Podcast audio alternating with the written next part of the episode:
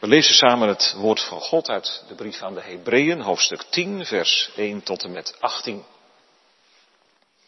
Daarna zingen we uit Psalm 110, vers 1 en 4. Dus heeft de Heere, dat is in dit verband God de Vader, tot mijne Heer, in dit verband de Heer Jezus gesproken, zit op de troon ter rechterhand naast mij. En het vierde vers spreekt over het priesterambt van de Heer Jezus dat eeuwig duurt, naar de ordening van Melchizedek. Psalm 110, vers 1 en 4, nadat we gelezen hebben Hebreeën 10, vers 1 tot en met 18. Want de wet, die slechts een schaduw heeft van de toekomstige heilsgoederen en niet het wezen van de dingen zelf, kan nooit met dezelfde offers die zij jaar in jaar uit ononderbroken brengen, hen die naderen tot volmaaktheid brengen. Zou er anders niet een einde gekomen zijn aan het offeren? Want zij die de dienst verrichten, zouden zich dan in geen enkel opzicht meer bewust zijn van zonden, wanneer zij eens en voor altijd gereinigd waren. Maar nu wordt men door deze offers elk jaar opnieuw aan de zonden herinnerd. Want het is onmogelijk dat het bloed van stieren en bokken de zonden wegneemt. Daarom zegt hij bij zijn komst in de wereld, slachtoffer en spijsoffer hebt u niet gewild. Maar u hebt voor mij een lichaam gereed gemaakt. Brandoffers en offers voor de zonde hebben u niet behaagd. Toen zei ik, zie ik kom, in de boekrol is over mij geschreven, om uw wil te doen, o God. Daarvoor had hij gezegd, slachtoffer en spijsoffer en brandoffers en offers voor de zonde hebt u niet gewild en hebben u niet behaagd. Hoewel zij overeenkomstig de wet worden gebracht. Daarna sprak hij, zie, ik kom om uw wil te doen, o God. Hij neemt het eerste weg om het tweede daarvoor in de plaats te zetten. Op grond van die wil zijn wij geheiligd door het offer van het lichaam van Jezus Christus. Voor eens en altijd gebracht. En iedere priester stond wel dagelijks te dienen.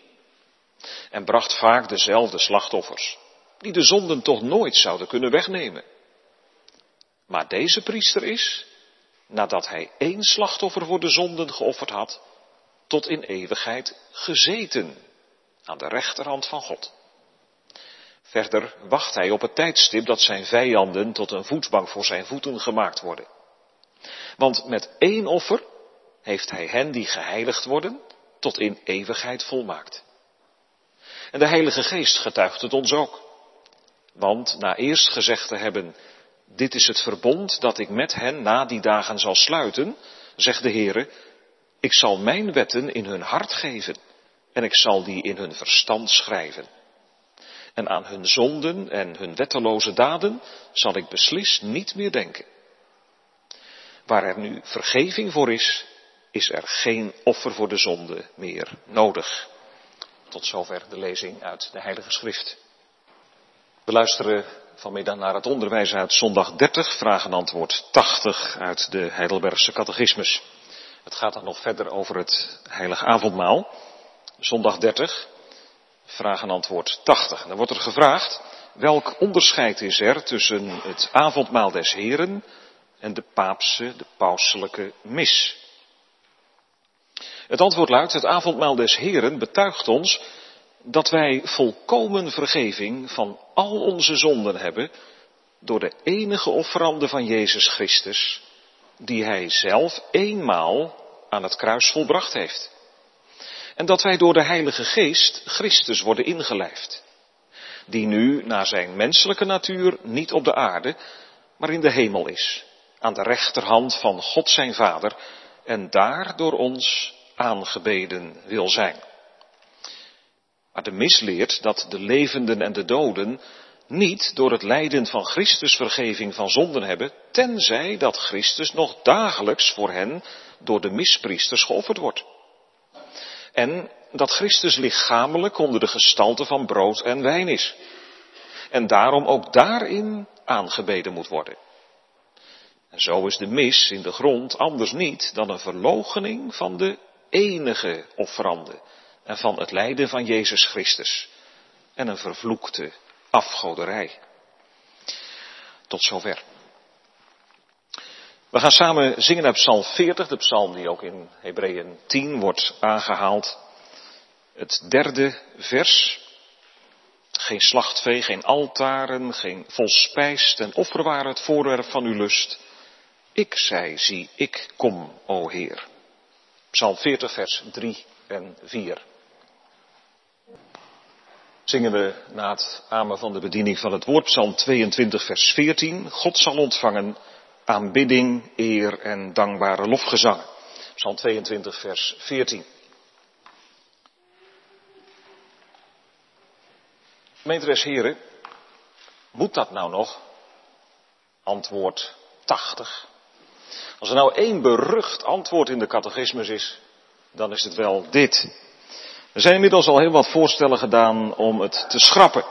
Dit kun je toch niet meer maken in deze tijd om de Rooms-Katholieke mis een vervloekte afgoderij te noemen. Als ik het goed zie, worden daarvoor drie argumenten genoemd. Het eerste is, wij zijn in onze tijd vriendelijker en verdraagzamer dan in de tijd dat dit beleidenisgeschrift werd opgesteld, in de 16e eeuw. We leven als protestanten en rooms-katholieken al jarenlang vreedzaam naast elkaar en we willen toch alsjeblieft ook niet opnieuw Noord-Ierse toestanden hebben waarbij men elkaar te vuur en te zwaard bestreedt als protestanten en rooms-katholieken. Het tweede, in een land waarin moskeeën als paddenstoelen uit de grond schieten, moet je niet meer de nadruk leggen op de verschillen tussen christenen.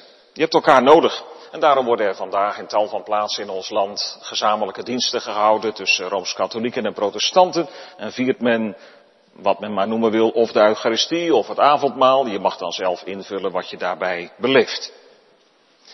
Het derde argument gaat het diepst. Doet dit antwoord wel recht aan wat Rooms-Katholieken leren? In een interview met de bekende bisschop De Korte las ik, antwoord 80 berust op een misverstand. De mis is geen herhaling van het offer van Christus. Het stelt dat offer alleen present, steeds opnieuw. Dus, ik zeg het maar even met eigen woorden, jullie protestanten vechten tegen windmolens. Nou, daar moeten we serieus naar kijken, gemeente. Want volgens het woord van God zijn wij geroepen om het goede gerucht van onze naasten naar ons vermogen voor te staan en te bevorderen. Wij mogen geen dingen gaan beweren of blijven beweren die niet waar zijn. Dus de vraag is, moeten we het inderdaad bijstellen? Nou zou ik mij heel goed kunnen voorstellen dat er hier vanmiddag in de kerk of thuis zijn die zeggen, nou ja, dat is nou typisch een kwestie voor theologen om daar eens heerlijk op de studeerkamer over te gaan zitten zweten, maar dit raakt mij van geen kant. Wat heb ik hier nou aan? En ik zou die reactie best kunnen begrijpen. En daarom willen we vanmiddag ook niet de nadruk leggen op het negatieve, hoe het niet is, maar op het positieve, hoe het wel is vanuit het woord van God. Dat is immers van het grootste belang voor het geloofsleven. En dat is ook de diepste bedoeling van dit antwoord. Om de unieke betekenis van Christus en zijn offer in het licht te stellen. Zo is het thema dan ook heel positief getoond zet. Christus alleen. We zien het volkomen offer door hem. Vervolgens de innige gemeenschap met hem. En tenslotte de ware aanbidding van hem. Dus Christus alleen het volkomen offer door Hem, de innige gemeenschap met Hem en de ware aanbidding van Hem. Het is de derde keer dat het leerboek aandacht vraagt voor het heilig avondmaal. Het is wel een blijk daarvan dat het de opstellers heel hoog zat om goed over dit sacrament na te denken. Antwoord 80 wijst ons allereerst op het fundamentele verschil tussen de Roomse mis en het avondmaal van de Here.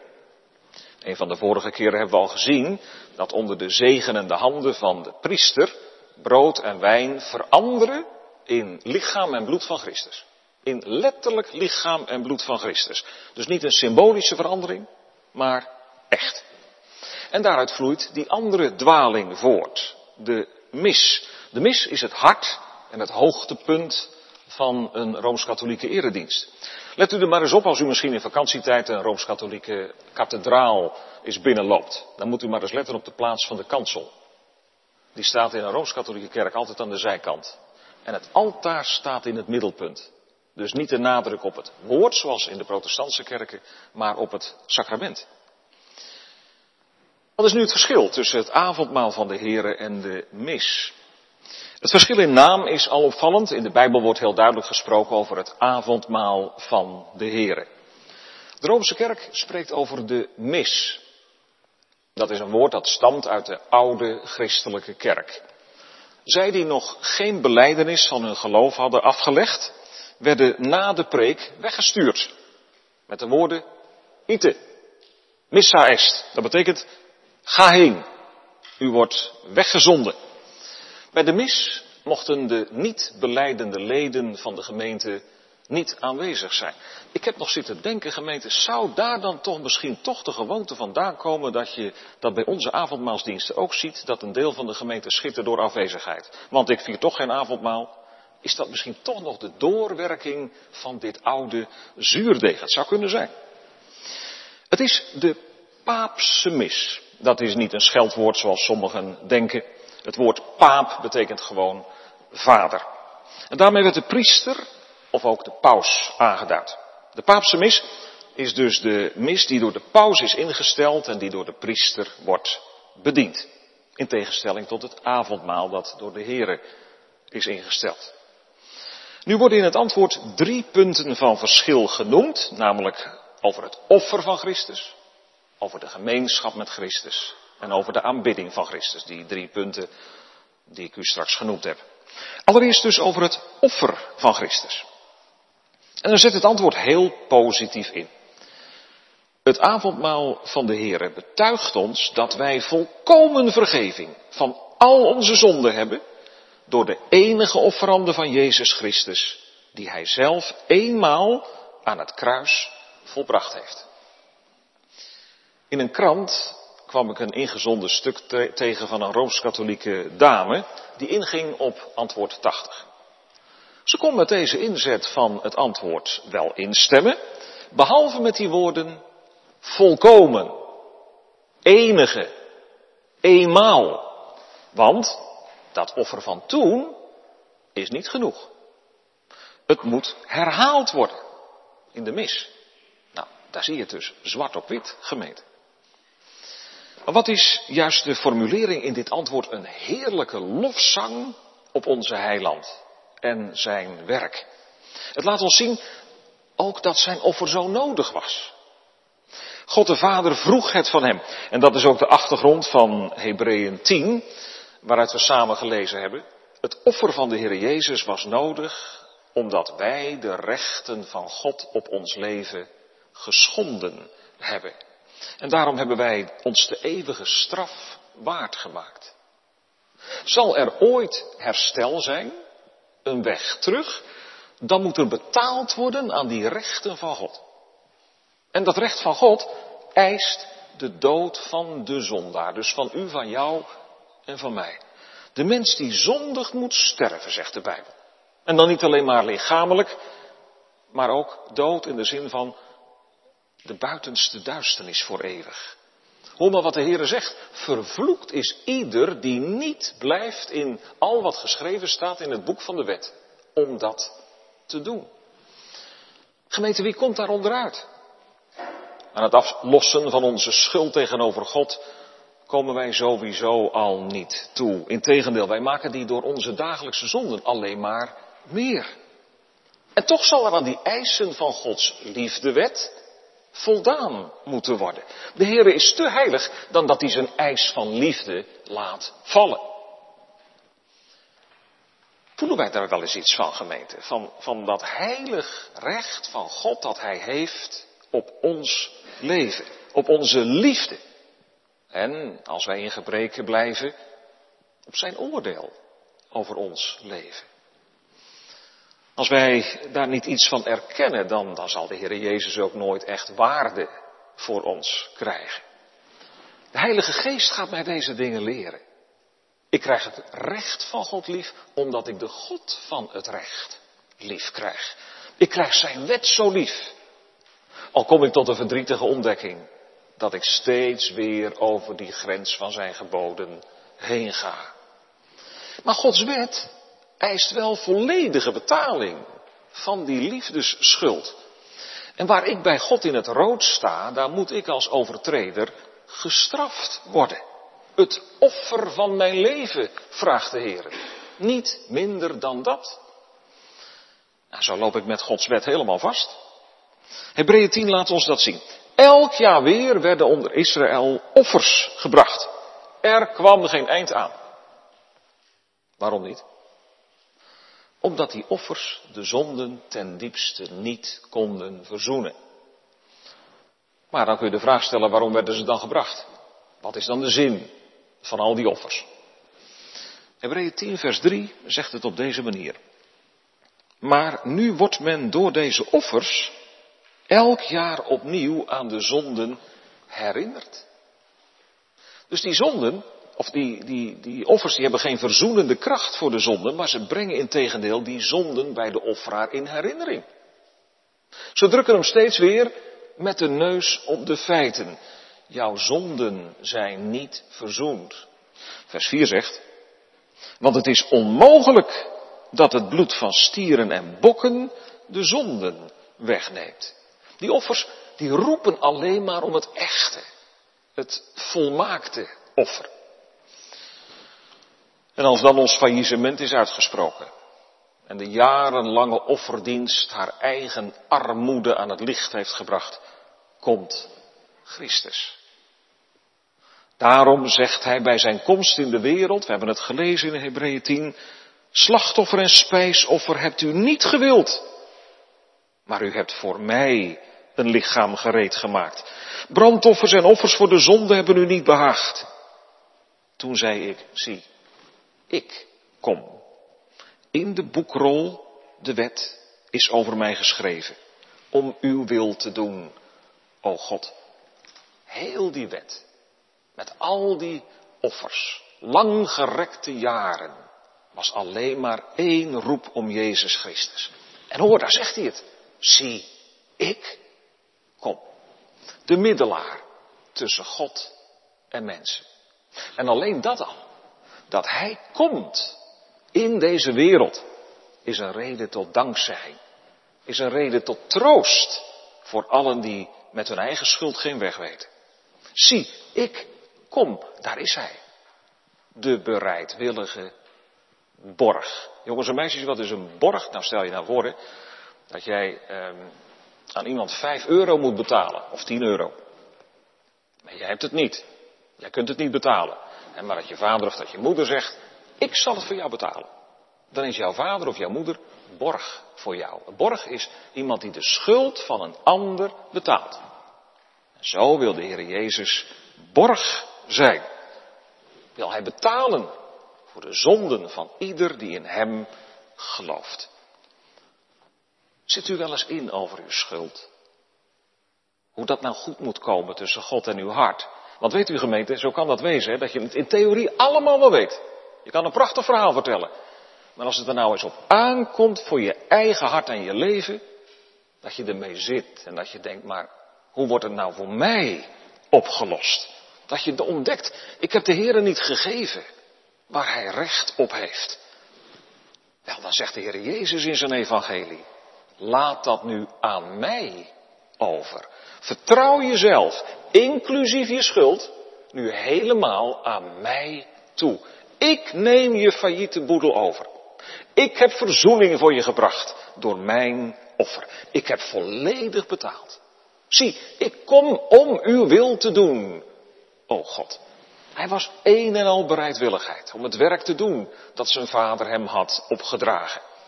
En dan staat hier zo heel sprekend, hij neemt het eerste weg. Daarmee wordt bedoeld die oude, onvolmaakte offerdienst. Om het tweede daarvoor in de plaats te stellen. Dat is zijn volmaakte offer. Eenmaal geschied. En gemeente, daar gaat het nou om. In het heilige avondmaal. Dat avondmaal verzekert en verzegelt de betekenis van dat enige offer van de Heer Jezus voor allen die de Heere liefhebben.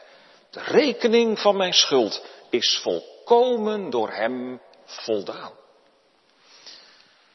Ja, wat steekt de mis daar dan schril bij af? Het offer van Christus aan het kruis is niet genoeg. Hij moet dagelijks opnieuw door de priesters geofferd worden. En nu citeer ik letterlijk uit een toelichting op een rooms-katholieke catechismus. Het kruisoffer en het offer van de Eucharistie, de mis, zijn één en hetzelfde offer. Wat alleen verschilt is de manier van geofferd worden. Bloedig op het kruis, onbloedig in de Eucharistie. Vandaar dat die mevrouw die ik aanhaalde niet wilde weten van de volkomen vergeving. Door het enige offer van Christus. Eenmaal aan het kruis gebracht. De mens, de vrome, offerende mens moet erbij komen. De gemeente, daarmee wordt onze gezegende middelaar van zijn eer beroofd dan wordt de kwaliteit van dit geschenk van de Vader in twijfel getrokken. En dat moeten we ook vandaag blijven zeggen. Want het gaat om zijn eer als zaligmaker. En het is helaas geen woord te veel gezegd. De mis is in de grond niet anders dan een verloochening van de enige offerande en het lijden van Jezus Christus. Dat doet de liefde tot Christus ons zeggen. Even een voorbeeld. Zeg nou eens tegen een vrouw die haar man innig lief heeft, dat haar man toch op belangrijke punten tekortschiet. Dan springt ze op en dan zegt ze van mijn man moet je afblijven. Zo komt de bruid van Christus op voor de eer van haar bruidegom, die een volkomen zaligmaker is. Komt ons hart erin mee? Toch? En dan komen we wat dichter bij huis. Wat kan deze oude dwaling ook diep in ons protestantse hart zitten? Luther zei eens, als ze me opensnijden, komt er nog een paap uit. Een pausgezinde. En dat getuigde van diepe zelfkennis. Om werkelijk alleen maar te rusten op het volbrachte werk van de Heer Jezus. Op het offer dat Hij eenmaal gebracht heeft. Dat is nogal wat. Wat zijn wij, ook binnen onze gereformeerde gezinten, bezig om eigen altaartjes te bouwen en eigen offertjes te brengen. Vertrouwen op de heiland alleen? Ah, maar ik moet eerst maar eens echt gebeden hebben in mijn leven. Ik moet eerst meer zondekennis hebben. Of ik kom juist aandragen met wat ik gepresteerd heb in de kerk. Of ik ga steunen op mijn geloofservaring. Dat, dat heb ik wel eens beleefd. Dus nou, dan zal het met mij toch wel goed wezen. Gemeente, we moeten het allemaal kwijt. De Heere spreekt geen vromen vrij maar alleen goddelozen. Alleen op, dat, grond van dat ene offer van de Heer Jezus. Als ik niets meer heb, dan blijft Hij alleen over.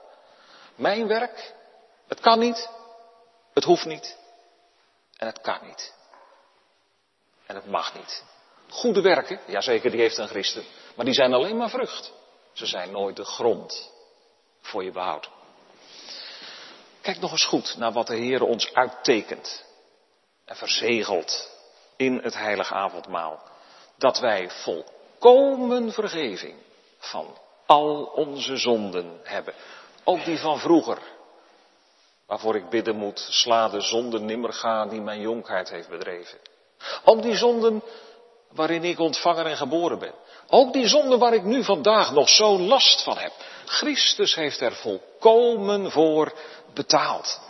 En ik word uitgenodigd om, als mijn geweten mij aanklaagt, dat ik tegen al die geboden van God zwaar gezondigd en niet één ervan gehouden heb. En nog steeds tot alle slechtheid geneigd ben, om dan toch mijn hand op het lam van God te leggen. En dan mag ik het machtige overwinningswoord van dit lam in mijn oren horen klinken. Het is volbracht. Ook voor jou. Eenmaal. Voorgoed. Christus alleen. En dan de innige gemeenschap met hem. Misschien met u of jij op vakantie wel eens in een kasteel geweest. Mooi om te zien. Allerlei bezienswaardigheden zijn erin te vinden. Maar het staat natuurlijk allemaal wel in een bepaalde orde. En je hebt er ook een bepaalde toelichting bij nodig. En dan is het altijd fijn als je een gids kunt vinden die je kan uitleggen wat de achtergrond en betekenis van allerlei dingen is. En zo ga ik iets van de geheimen van dat kasteel begrijpen. Nu, dat hebben wij geestelijk. Die ons leert om het offer van de Heer Jezus op waarde te schatten. Die ons rondleidt in het paleis van zijn werk.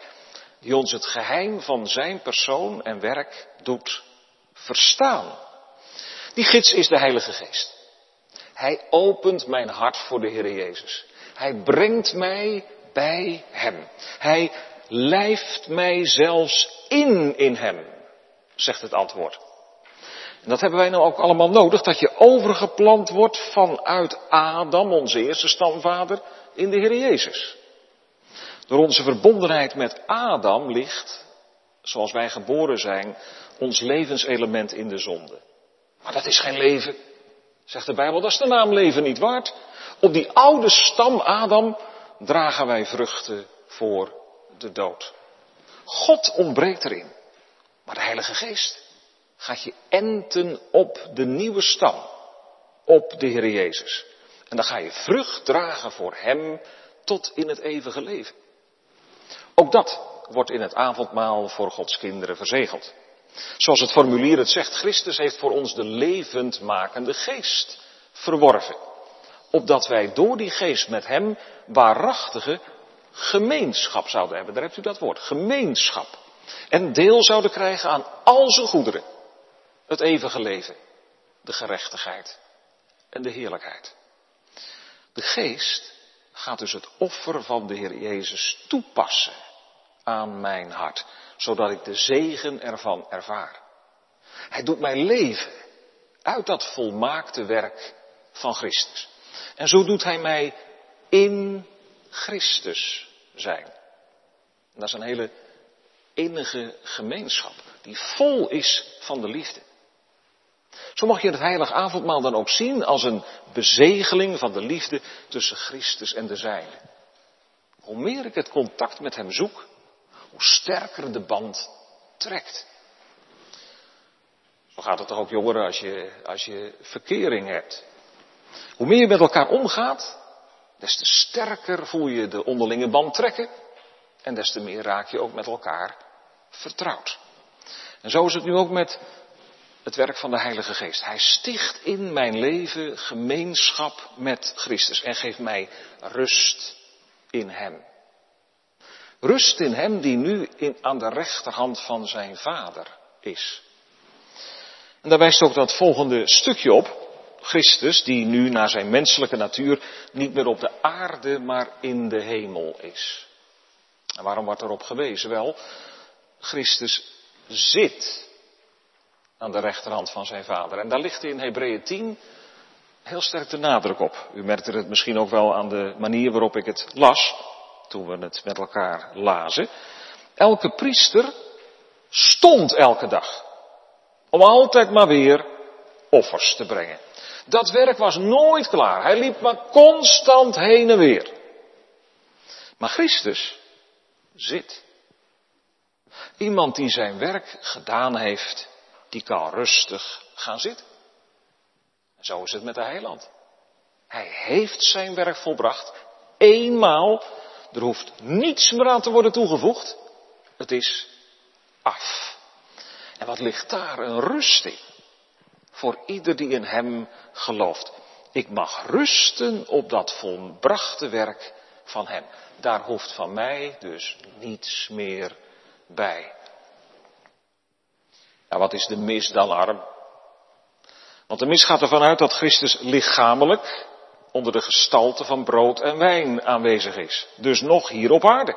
En zo zou je kunnen zeggen dat de mis Christus letterlijk en figuurlijk naar beneden haalt. Terug naar de schaduwendienst van het Oude Testament.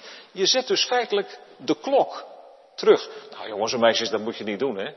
Ja, soms uh, zomer, wintertijd, hè. Dan, gaat, dan gaat de klok soms een uur terug. En dat vinden we al lastig genoeg. Maar wij moeten niet doen alsof de Heer Jezus nu nog moet komen. Hij is al gekomen. Wel, de mis misgunt Christus de rust van zijn totale overwinning, doet tekort aan het werk dat hij eens volbracht heeft. Bij de mis gebeurt nog steeds in de tegenwoordige tijd wat in Hebreeën 10 in de verleden tijd wordt geplaatst. Iedere priester stond wel dagelijks te dienen en hij bracht vaak dezelfde slachtoffers die de zonde nooit kunnen wegnemen. Ziet u hoe we met de mis teruggaan in de tijd voor Christus? Daartegenover zegt de schrijver van de brief aan de Hebreeën, maar deze priester is, nadat hij één slachtoffer voor de zonde geofferd had, tot in eeuwigheid gezeten. Aan de rechterhand van God. En even later lezen we, de Heilige Geest getuigt het ons ook. Diezelfde geest die mij in de Heer Jezus inlijft, die mij één maakt met Hem, die getuigt er ook van. Hoe zouden, wij, hoe zouden wij nu wijzer zijn dan de Heilige Geest? Nee toch. En zouden we Christus de rust na zijn volbrachte werk misgunnen? De heerlijkheid bij zijn Vader in de hemel? Hij heeft het toch zo verdiend. En laten we daarom doen, gemeente, waar het avondmaal ons altijd toe oproept. Laat ons onze harten opwaarts omhoog verheffen in de hemel, waar Christus is, zittend aan de rechterhand van zijn hemelse Vader. Dan eren we Hem. Dan vinden we rust in Hem. En dan komen we ook tot de ware aanbidding van Hem. Dat is laatst. Het laatste verschil tussen het avondmaal en de mis zit in de aanbidding van Christus. Het avondmaal spoort ons ertoe aan om te bedenken dat de Heer Jezus aan de rechterhand van zijn Vader is, in de hemel. En daar door ons aanbeden wil worden. Daar gaat het uiteindelijk om. De aanbidding. Daar eindigt het volk van God altijd in. Het antwoord laat ons heel mooi zien hoe het tot die aanbidding komt. Ja, ook daarin moeten wij vanuit het woord van God onderwezen worden. Want uit onszelf hebben we er geen flauw idee van, van wat dat is. Aanbidding. En komen we er ook niet aan toe. Wel, dat wil de Heer ons leren langs deze weg die Hebreeën 10 ons laat zien. De verkondiging van dat unieke offer van de Heer Jezus. Dat je daar zo van onder de indruk komt. Dat je daar zo door geraakt wordt. En dat je daar zo je rust in mag vinden. Dat je tot aanbidding komt. Aanbidding in geest en waarheid, zegt de Bijbel. Dat wil zeggen oprecht. Zoals we in het boek Openbaring steeds weer van die doorkijkjes krijgen van de verloste kerk. Dat ze tot aanbidding komen. U, o Lam van God, hebt ons voor God gekocht met uw bloed uit alle geslachten, talen, volken en naties. Gemeente, kennen we iets van die aanbidding in ons leven? Ja, je kunt er wel over praten en redeneren, dat de Heer de enige is die aanbeden wil worden. Daar zullen we het misschien ook wel over eens zijn. Maar om het nou ook te doen. Kijk, praten en redeneren, dat deed bijvoorbeeld ook de Samaritaanse vrouw. In Johannes 4. Als de Heer Jezus haar pijnlijk geconfronteerd heeft met haar zondige liefdesleven, dan probeert ze de aandacht van de heiland af te leiden. Door het gesprek te brengen op een onderwerp als de aanbidding van God. Een prachtig discussiepunt. Zo gaat ze daarmee om. Dan zegt ze, onze vaders, dus zeg maar de voorvaders van de Samaritanen, die hebben op deze berg, op de berg Gerizim aanbeden. En jullie, Joden, zeggen dat Jeruzalem de plaats is waar je moet aanbidden. Nou, een heerlijk discussiepunt. Wie heeft er nou gelijk? Wie gaat er winnen? Dat doet de Heer Jezus. Hij gaat niet met die vrouw in debat, maar hij wijst haar op de noodzaak van de echte aanbidding.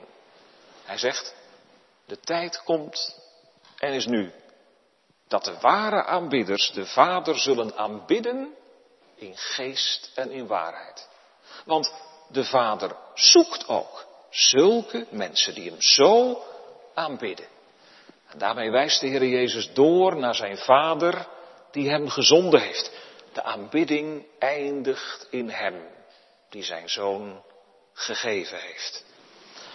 Gemeente, wij hebben heel vaak veel te vragen in ons gebed. En daar is bij de Heer ook alle ruimte voor. De vraag is op zijn plaats, zouden we niet al te veel vergeten om te danken? En nog verder, zouden we ook niet vergeten om te aanbidden? Aanbidden is nog meer dan danken. Onze meisjes danken, hè, dat kun je doen voor dingen die je krijgt. En hopelijk doe je dat ook elke dag. Heel mooi om daar een dag ook mee te eindigen, hè, als je je avondgebed doet, om de Heer ook te danken voor wat je gekregen hebt. Doe dat maar veel. En dan kun je soms een heleboel dingen opsommen, als je eens nagaat wat je die dag allemaal gekregen hebt. Maar aanbidden gaat nog verder. Aanbidden, dat is de Heere loven om wie Hij is. Eindigen in God zelf. Wat zullen we dan nog van de mis zeggen?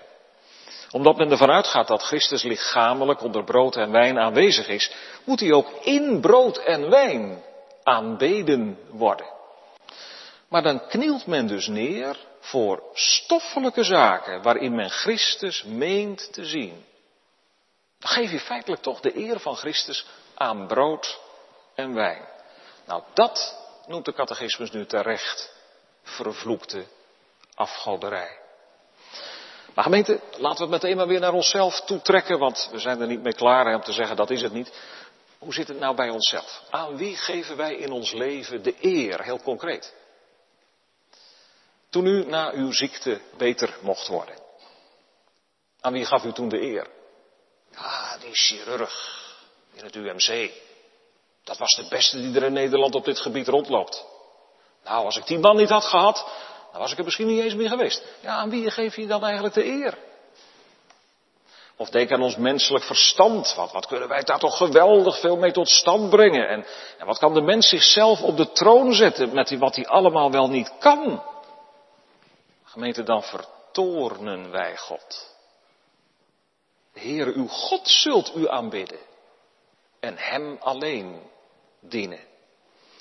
En als wij avondmaal mochten vieren, en de Heere hoort nou nooit eens iets van aanbidding uit onze mond, wat leeft die oude dwaling dan ook in ons? Het avondmaal verkondigt en verzegelt Christus alleen. Zo schenkt de Vader hem. Zo past de Heilige Geest hem toe aan je hart. En zo wil Hij ons tot aanbidding brengen. Gemeente, daarom is de kern van de zaak. Wie is nu de Heer Jezus Christus voor ons? Hij is je alles. Of je staat straks alleen voor God. Zonder middelaar. Want een ander offer dan het offer van de Heer Jezus kent de Vader niet. Hoe zullen wij ontkomen als wij op zo'n grote zaligheid, op dit unieke offer, geen acht slaan? Christus wil alles voor je zijn. Gemeente, dat is, dat is boven alle twijfel verheven. Hij biedt zichzelf aan. Aan mensen die alles missen. Aan u, aan jou, aan mij. En hij brengt alles mee. Zie, ik kom. Hij komt met handen vol genade naar ons toe. Ik ben een volkomen verzoening voor al uw zonden. Laat dan al je eigen offertjes maar vallen. En laat Hij alleen het offer zijn. Ik zal mijn hand op Jezus leggen. Amen. Op zijn offer zeggen. Daar hoor ik er een. Vol aanbidding zingen. Die het verloren heeft van deze liefdevolle heiland. Van deze volkomen zaligmaker. Jezus. Niet mijn eigen kracht. Niet het werk door mij volbracht. Niet het offer dat ik breng. niet de tranen die ik pleng, of schoon ik ganse nachten ween, kunnen redden. Gij alleen. Amen.